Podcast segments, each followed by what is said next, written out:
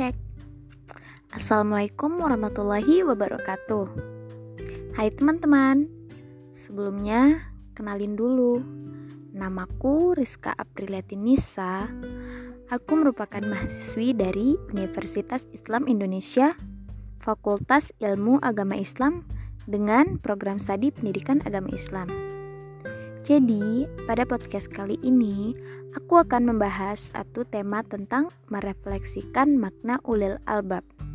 Lebih tepatnya sharing gitu. Nah, sebelum ke pembahasan, aku akan menjelaskan sedikit apa itu ulil albab. Di dalam Al-Quran, ulul albab adalah kelompok manusia tertentu yang diberi keistimewaan oleh Allah Subhanahu wa Ta'ala di antara keistimewaannya ialah mereka diberi hikmah, kebijaksanaan, dan pengetahuan. Nah, sedangkan pengertian ulil albab dari para musafir itu berbeda-beda. Di dalam Al-Quran juga, kita menjumpai sosok ideal yang disebut ulil albab, yang dengan sifat-sifatnya ia selalu berkompetisi untuk dapat memainkan peran penting dalam kehidupan dan memperoleh kebahagiaan dunia dan akhirat. Di antara sifat-sifat ulil albab adalah bahwa hatinya senantiasa berzikir dan ingat kepada Allah. Sedangkan pikirannya selalu menelaah dan mentafakurkan fenomena alam semesta ciptaan Allah. Alhasil, pada diri ulil albab berpadu sifat-sifat ilmuwan, cendikiawan, dan kesolehan. Nah, Keunggulan ulul albab sendiri tidak semata menonjol dari pandangan manusia, akan tetapi juga harus menonjol dalam pandangan Allah Subhanahu wa taala. Sehingga unsur-unsur pembentukan kepribadian ulul albab yang tertera dalam Al-Qur'an yaitu tafakur, tadabur, dan tazakur menjadi sebuah keniscayaan. Oke, sekarang kita akan memulai pembahasan mengenai merefleksikan makna ulil albab dalam kehidupan sehari-hari. Ada beberapa cara agar kita bisa menjadi bagian dari insan yang ulil albab. Nah, di antaranya adalah pertama, dengan cara mampu menjadikan ilmu pengetahuan yang kita miliki sebagai alat untuk mencari karunia sebanyak-banyaknya dari Allah Subhanahu wa taala untuk kebaikan umat manusia bukan untuk menimbulkan kerusakan dan kebinasaan.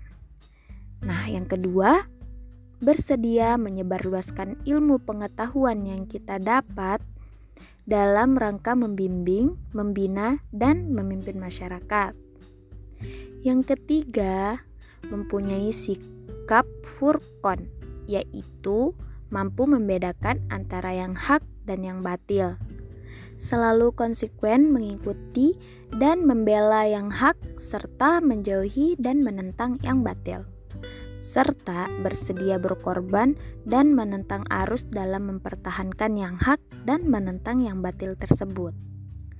Nah, yang terakhir, memiliki iman yang kuat dan akhlak yang mulia yang tercermin antara lain dalam beberapa sikap seperti mengakui kekuasaan Allah Subhanahu wa taala, tidak takut kepada siapa pun kecuali Allah Subhanahu wa taala, selalu mengikuti hidayahnya, senantiasa ikhlas dalam setiap amalannya, cenderung menjauhkan diri dari perilaku menyimpang dan kembali kepada perilaku yang mendapat keridhaan Allah Subhanahu wa taala. Senantiasa menyadari kehilafan tabah, dan dapat belajar dari segala macam cobaan. Nah, itu ada beberapa contoh yang kita bisa ikuti agar kita senantiasa menjadi insan yang ulil albab. Nah, apabila di zaman sekarang nih kita bisa menerapkan beberapa contoh seperti yang aku sebut tadi, tentu sangat luar biasa kalau kalau ditemukan figur muslim seperti ini. Hmm, meskipun tidak mustahil ditemukan, namun perlu usaha sungguh-sungguh mengerahkan segenap jiwa raga, spiritual, intelektual, dan emosional. Ada empat kata kunci yang menjadi esensi profil ulil albab menurut Al-Quran, yaitu zikir, tazakur, tafakkur, dan takwa. Dan secara individual, kepribadian ulil albab mencerminkan satu ciri khas yang berbeda, yaitu ciri khas tersebut lahir dari usaha dan kesungguhan untuk mencari hakikat segala sesuatu dengan cara olah pikir dan zikir.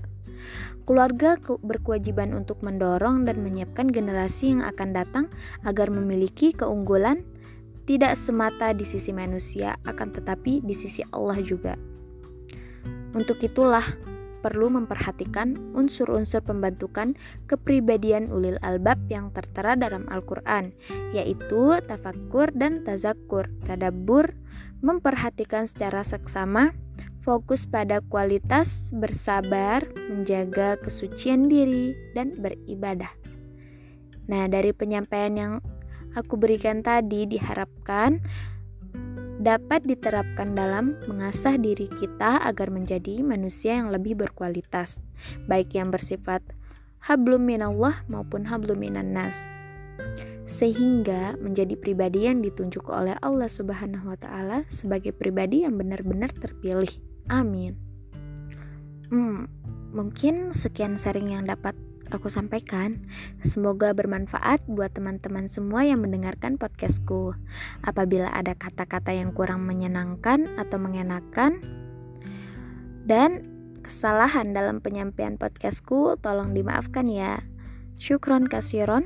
Wabillahi taufiq wal hidayah. Wassalamualaikum warahmatullahi wabarakatuh. See you on the next podcast.